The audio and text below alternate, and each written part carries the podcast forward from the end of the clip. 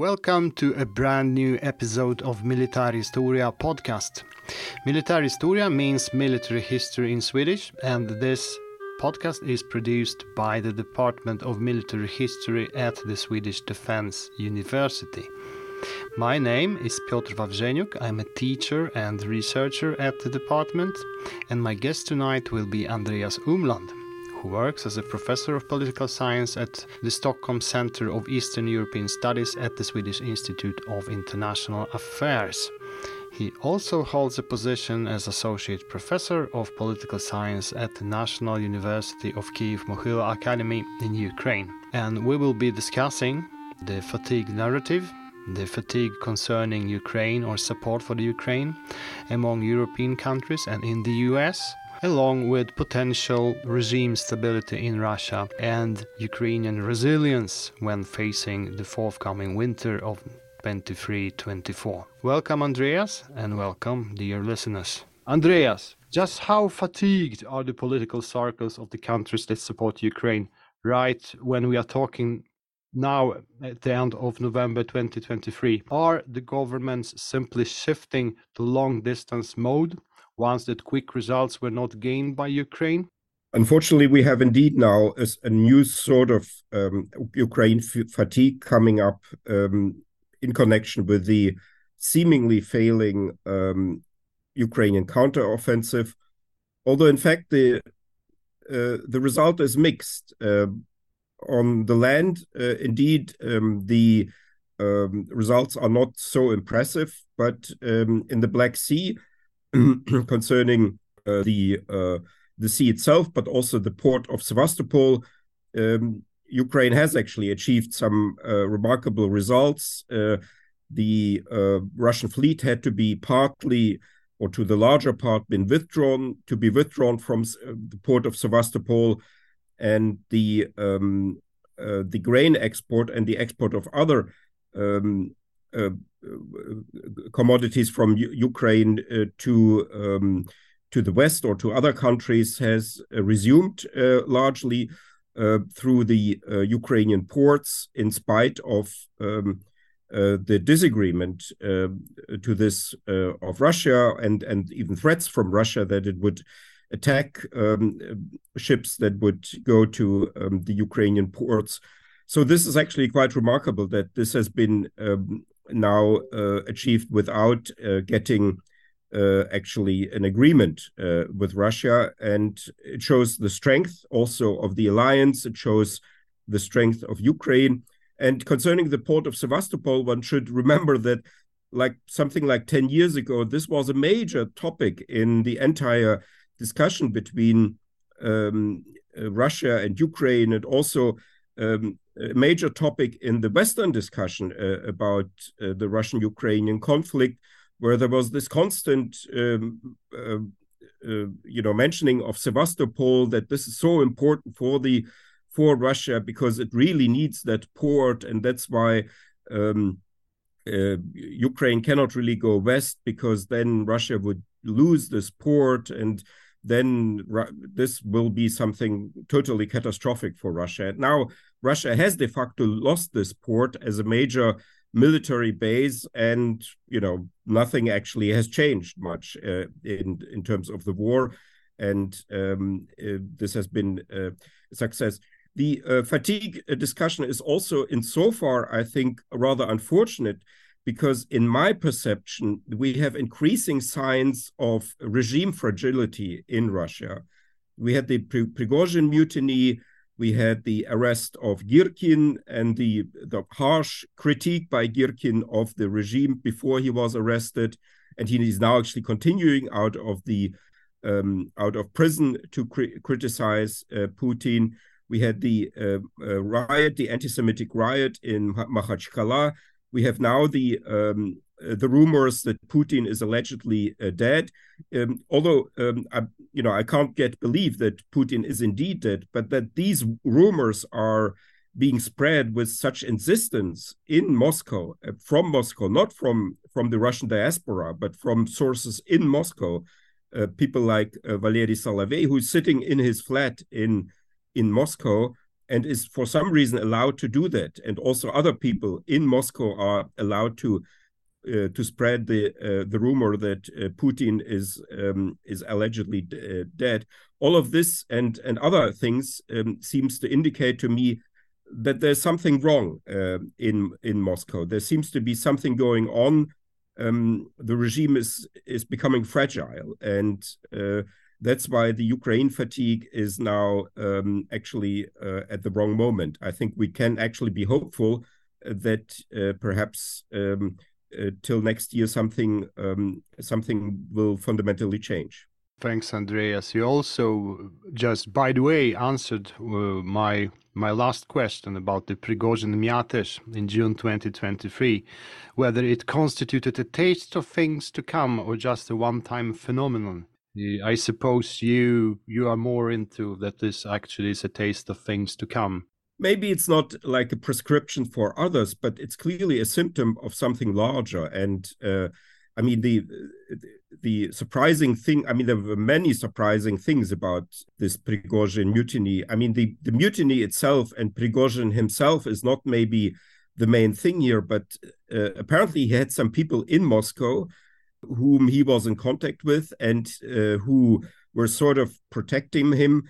Um, the fact that the FSB or another security agency was not able to to foresee this and prevent this, the behavior of the uh, Russian state organs during uh, this one-day mutiny, um, that there was no real uh, resistance or only very limited resistance, and uh, that many of the actors actually took this wait and see approach.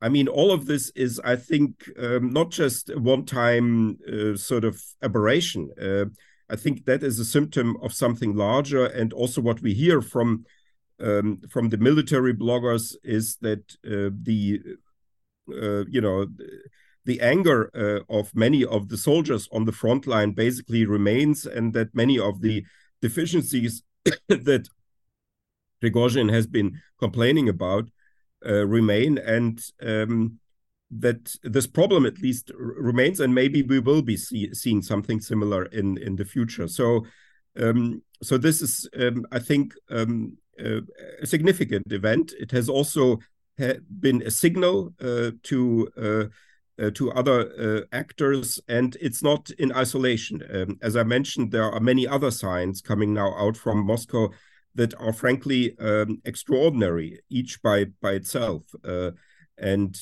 um, that uh, in their sum indicate to me uh, at least there's something wrong in the um, in um, in in Putin's kingdom.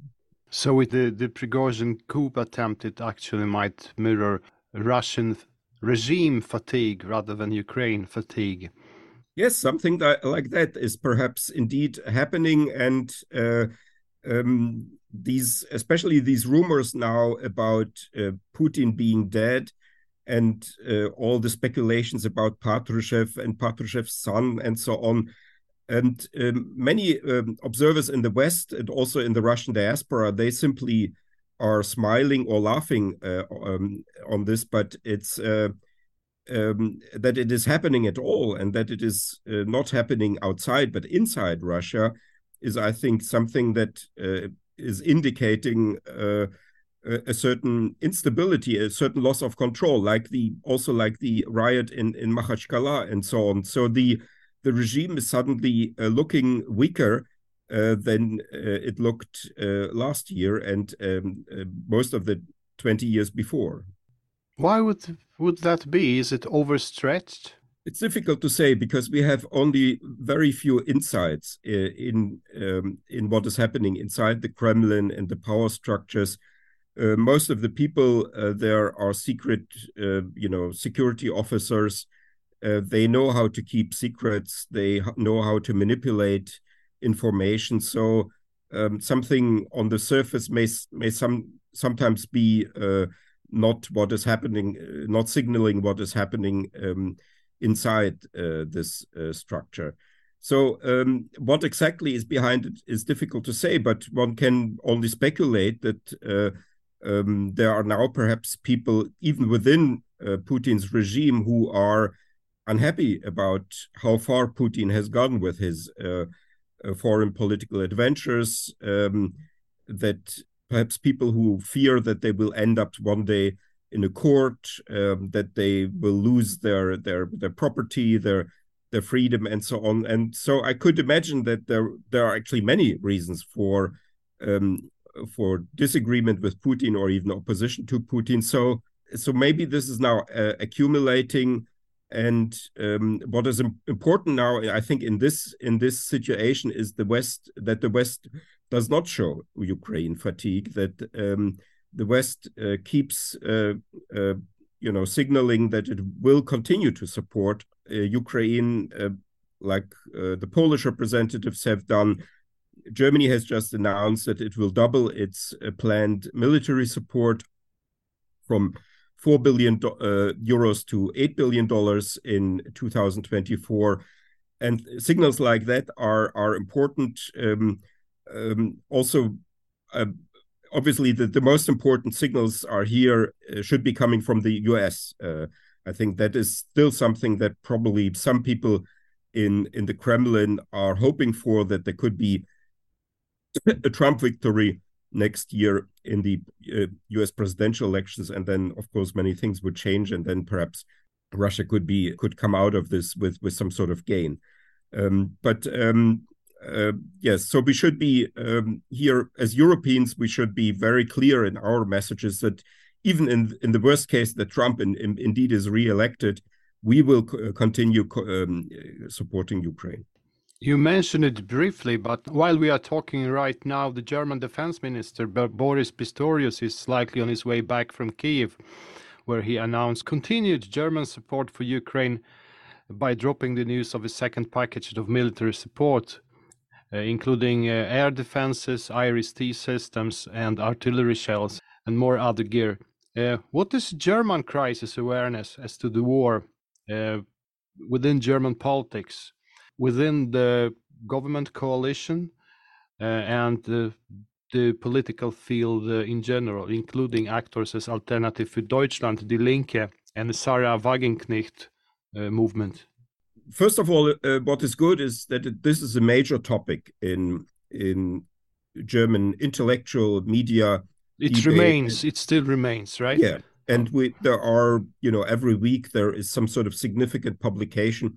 There was just an article by Nico Lange and Carlo Masala in Die Zeit, where they outlined a sort of worst case scenario that um, Germany could be drawn into a war and that Ukraine is in, in fact defending um, Europe. And if Ukraine uh, loses the war, then um, this would encourage Putin to further advances, uh, perhaps in the Baltic um, Sea and then uh, in the Baltic area, and then um, NATO would have to uh, get directly involved, and then Germany could be actually itself become a, a part of the war.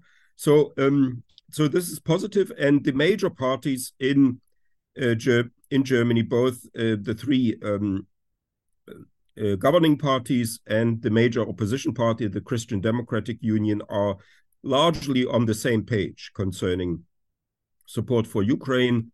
This is uh, encouraging. Even the Social Democrats are, have come around, and uh, although Gerhard Schröder is still a member of the Social Democratic Party, he does not seem to have any influence there any anymore. There are still some some people in the leadership of the Social Democratic Party who who sort of are voicing the sort of Schröderite uh, uh, philosophy. Um, the majority of the uh, leadership of the Social Democratic Party has now um, taken a, a, rather tough position on on Ukraine, and especially the uh, the new defense minister and very and and the most uh, actually um, uh, popular politician now in Germany, Boris Pistorius, who was just in in Kiev.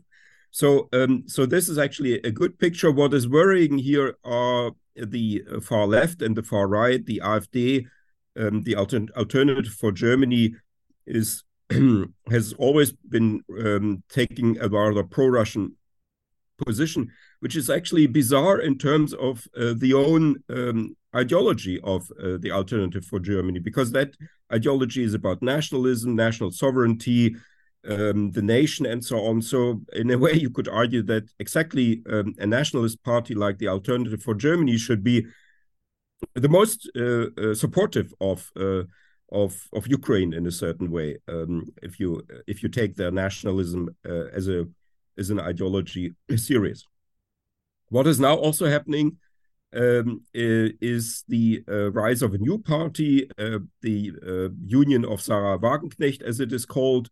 And Wagenknecht indeed represents a part of the uh, radical left in Germany that is uh, cl clearly anti Ukrainian and clearly pro Russian. And if this party um, um, go, comes into parliament in the next um, federal election, this would uh, be, uh, I would say, a step back because the the left party actually has has partly, at least, also corrected its its earlier pro-Russian position. So the left, uh, the radical left party, has actually been moving, uh, I would say, in the right direction. But what may happen in the next federal elections in Germany is that the left party will be kicked out of the um, of the uh, federal uh, parliament, uh, the Bundestag, and instead of it, uh, the Wagenknecht Union may enter the parliament, and the Wagenknecht Union is um, clearly um, a pro-Russian, uh, I would even say pro-Putin party, although Wagenknecht has now also dis distanced herself from Putin after the invasion. But the positions or the policy proposals that she makes are in favor of, of the Russian position. So so that is a worrisome development. Uh, but for now, for the next uh, uh, couple of years, uh, it will still be okay um, with the current uh, currently dominating parties.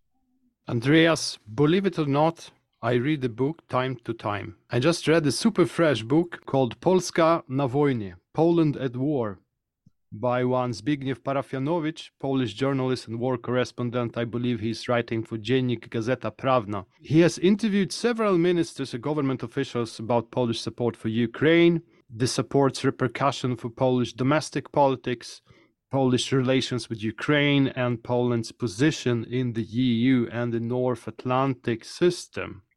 What strikes me is not as much the very naked realist language used but that several interviewees view Poland as being, as the title indicates, at war, and that resources should be engaged until Russia lets Ukraine go and, uh, well, rolls back its invasion of Ukraine, so to say. At least if one reads the books, they demonstrate quite a resolve to continue from the very start of the full scale invasion. Uh, they view the support as a cheap means of not dedicating Polish troops or defending Poland at a later point in time. How is it in Germany? Or, for instance, have you, I don't know if you follow France, other European countries?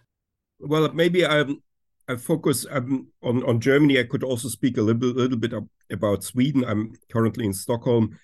Um, so, um, uh, uh, Germany has actually um, more and more defined this war as something important not only uh, for Ukraine and out of international solidarity or for for Europe, but also in terms of its own security. So that is a good uh, development. That is also why the help continues. Germany is now the second largest provider in terms of national states uh, of help for for Ukraine. And what is surprising here, pleasantly surprising, that it is not only the largest national provider of, of financial help and humanitarian economic help, but also of military help. Although Germany does not give um, Ukraine all the uh, military technology that um, Ukraine is asking for, in particular, does not provide so far the uh, famous uh, or infamous uh, Taurus uh, missiles that uh, Ukraine has been requesting and that would help Ukraine in particular um, in its um, uh, operation to isolate Crimea from uh, supply lines uh, from uh, from Russia, and thereby then to get eventually to liberate uh, uh, Crimea. So that is a um, a, a good development, but but still the I think the the full gravity of the war is not yet be understood. Um, what I what one could also mention here that even if Ukraine uh, uh, achieves a full victory on the battlefield, if it can fully restore its territorial integrity, keep its political sovereignty, restore its borders, I think this is still will be a this war will still be in a certain way a loss for for the West because um, Russia has been undermining um, over the last years uh, international uh, organizations like the United Nations or the Non-Proliferation Treaty. It has used these um, international uh, uh, structures to uh, to uh, protect its own adventurism, and these international organizations and and structures and laws were not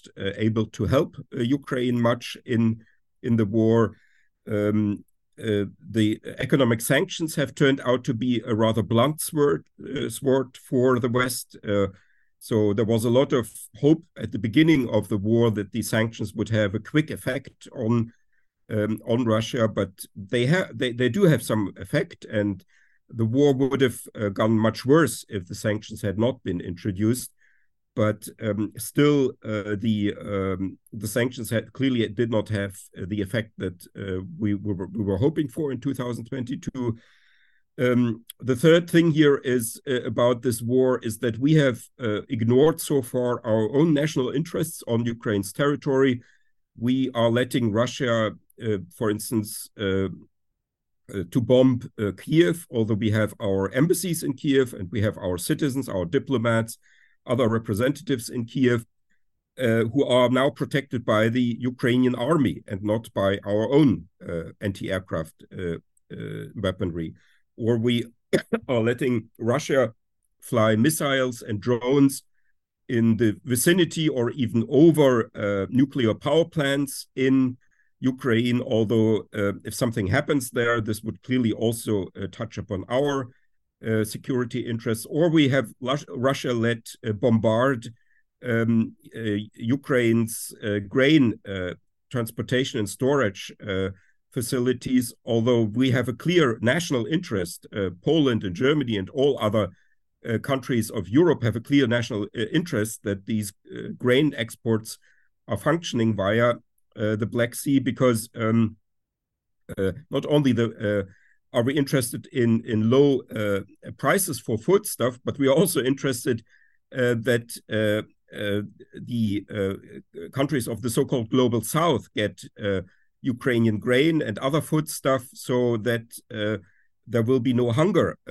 migrants from the south coming um, to the European Union. They don't go to the Eurasian Union of of Russia; they go to the European Union and that's why we have actually a national interest in these um, in the protection of the Ukrainian grain export um, and um, and and a whole array of other national interests that we have. So we have not taken care of them uh, sufficiently, and also even if U Ukraine achieves a full victory in the war, uh, there will still be many questions open. The deported Ukrainian children.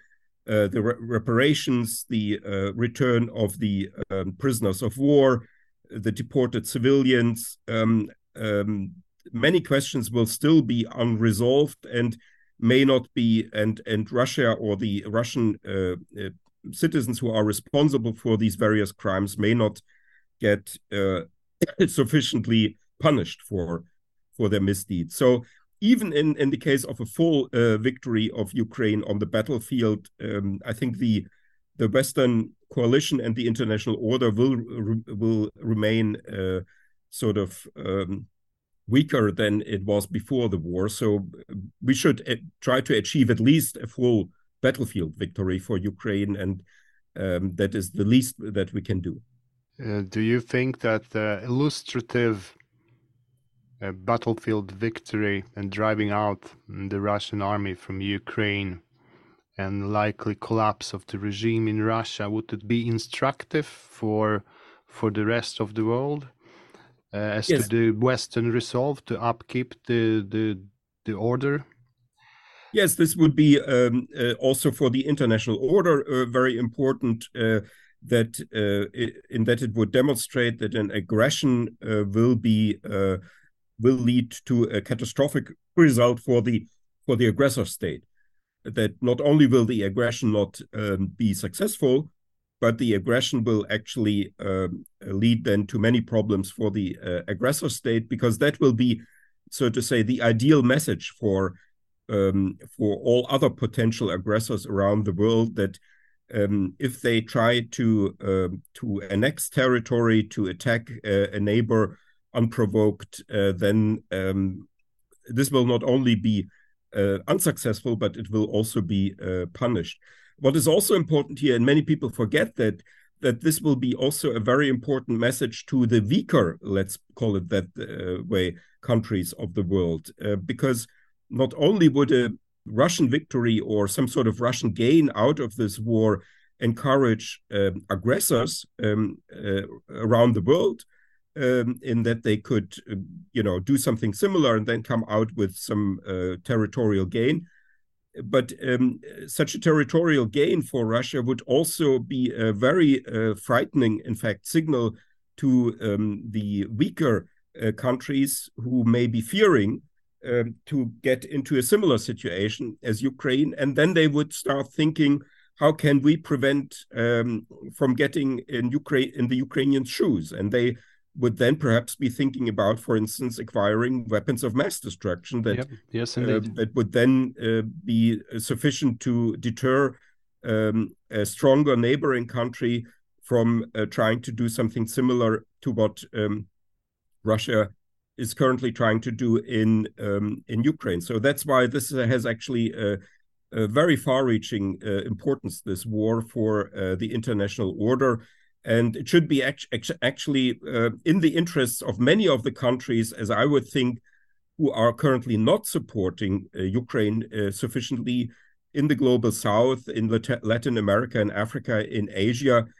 Um, it should be in their interest to, that Ukraine wins this war because otherwise they may get into trouble with their own uh, neighbors who may have similar, uh, you know, uh, historical narratives uh, like Russia that a certain territory um, in a neighboring country is actually unjustifiably there, should belong to them, and so on. I mean, um, that is actually the the you know the the important thing about this war. It's actually not so untypical what what Russia is saying about Ukraine uh, is in certain ways similar to what many countries or where uh, sort of revanchists, revisionists in many countries are saying about um, their neighboring countries that uh, some territory actually should belong to to their own country and a Russian victory or a Russian gain, territorial gain in this war would would encourage them to try doing something similar and then would also trigger a counter reaction from the uh, from the weaker countries um, to arm themselves and to arm themselves with weapons that are sufficiently um, deterring uh, so that they uh, do not get into the same situation as Ukraine. And what if there are many in the global south who consider Russian assault on Ukraine an anti-imperialist struggle? What if we buy into Russian narrative on anti-imperialist, anti-globalist, anti-hegemonic struggle against the U.S. world order? Uh, they have been working on promoting this narrative for quite a while, uh, uh, expanding their uh, diplomatic activity, uh, particularly in Africa. What is your takeoff on that, Andreas? What are the chances? What are the chances of maintaining the narrative, and and and turning the global south against uh, against uh, what Russia calls the collective West. Yeah, this has become a very difficult discussion now, especially since the uh, events in, in the Gaza, where many, many people then make a, a connection. And uh, it's, of course, a, a narrative that allegedly uh, Russia's war is anti imperialist, which is also popular with many people in the West, uh, on the left in particular, who are supporting these sort of narratives. What is, however, uh, important to point out here are, I think, three things about this war that make it similar from the many other wars that we have seen since World War uh, II. Because the what many people say, well, there are, you know, the U.S. has conducted many wars. There have been many other wars. Why should why should we care about this war? You know, why is this war allegedly worse than the many wars that the U.S. has been fighting?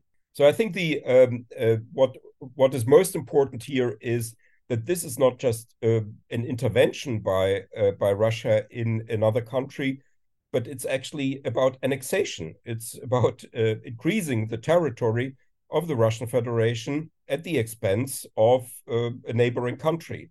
and that is a, a kind of war that uh, the US and other Western countries have not been conducting. There's a certain discussion discussion here about um, what Israel has been doing um, over the last uh, 50 years or so.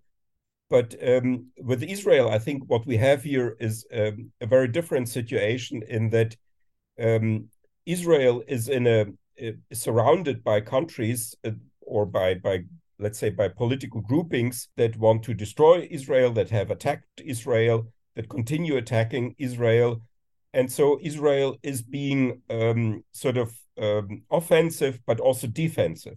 The difference to the Russian-Ukrainian war is that there has been no no uh, material uh, reason for Russia to attack Ukraine. There there was no Ukrainian attack on Russia, contrary to what Russia has been spreading there's no genocide of Russians in Ukraine. There was never something like that. This was just rhetoric. There was no uh, human, humanitarian crisis into which uh, Russia was uh, justified to to intervene. No attacks on Russians. That is, by the way, a slight difference to what happened in Georgia in um, 2008, where there was indeed um, an um, an attack by, by Tbilisi on, on the Tskhinvali region, and there were Russian citizens who also suffered from this um, attack. Although you, you would ask why were these Russian citizens on Georgian territory? That's another question. You know, what was the legitimacy of these uh, Russian citizens? Uh, but nothing, even not even something like this has never happened in Ukraine. Actually, some sort of attack on Russian citizens or attack on on Russia and uh, so th this is a very different war from uh, from the um, there was there was never a, sort of a real civil war. That there was a pseudo civil war organized initiated and organized by Russia in the Donbas uh, as uh, Igor Girkin admitted. He actually started the war in in the Donbas and he wasn't in contact with the Russian state when he was as an irregular um, fighter starting um, this war. So um, so this is a, a war that was totally unprovoked. And it is now also a war, moreover, that has uh, signs of genocide, uh, most uh, vividly expressed perhaps by the deportation, systematic deportation of children, yeah, and the um, the taking out of uh, children of Ukraine, then placing them into re-education camps and trying to make uh, Russians out of them, and that actually fulfills one of the criteria of, of genocide, and of course also the many mass murders that have happened in the occupied uh, territories, the attacks on civilian infrastructure. So this all, all of this um, makes this war very different from other wars that we've been seeing after World War um, II, and uh, which are actually um, um a violation of all the basic rules that have been created in 1945 for the uh, for international relations, for the conduct of international relations, and that's why I would think these uh, uh, these countries um, in in Latin America and Africa and Asia they should be all on the side of of of Ukraine because um, they wouldn't want to have something similar happening to them. Um, somebody uh, attacking them unprovoked, trying to annex their territories, deporting their children, uh, bombarding their civilian infra infrastructures, um, creating torture prisons, and so on. So this is all something that goes clearly beyond uh, what uh, what the other wars that we've seen, um, or most of the other wars that we have seen since World War II, have been about. Andreas, you also work in Kiev and you visit Kiev time to time. You're likely to meet people, and we are approaching if not third that for sure the second whole winter of war because war activities are unlikely activities are unlikely to cease uh, during during this winter uh, what are perspectives of, of good Ukrainian resilience when it comes to to uh, electricity and infrastructure during the winter? I believe it has improved a little bit uh, compared to beginning of of uh, winter 22-23, not least thanks to air defense systems brought in by the West. Yes, in um, a year ago, in December 2022, it really looked for a moment as if um, Kiev would have to be fully evacuated because there were massive attacks on the um, energy infrastructure. Um, winter was, uh, you know, was getting cold, and there was a question then whether um, actually the houses uh, um, and uh, the entire system would uh, uh, keep operating. The electricity supply, warm water, heating, uh, and so on, um, or just water supply.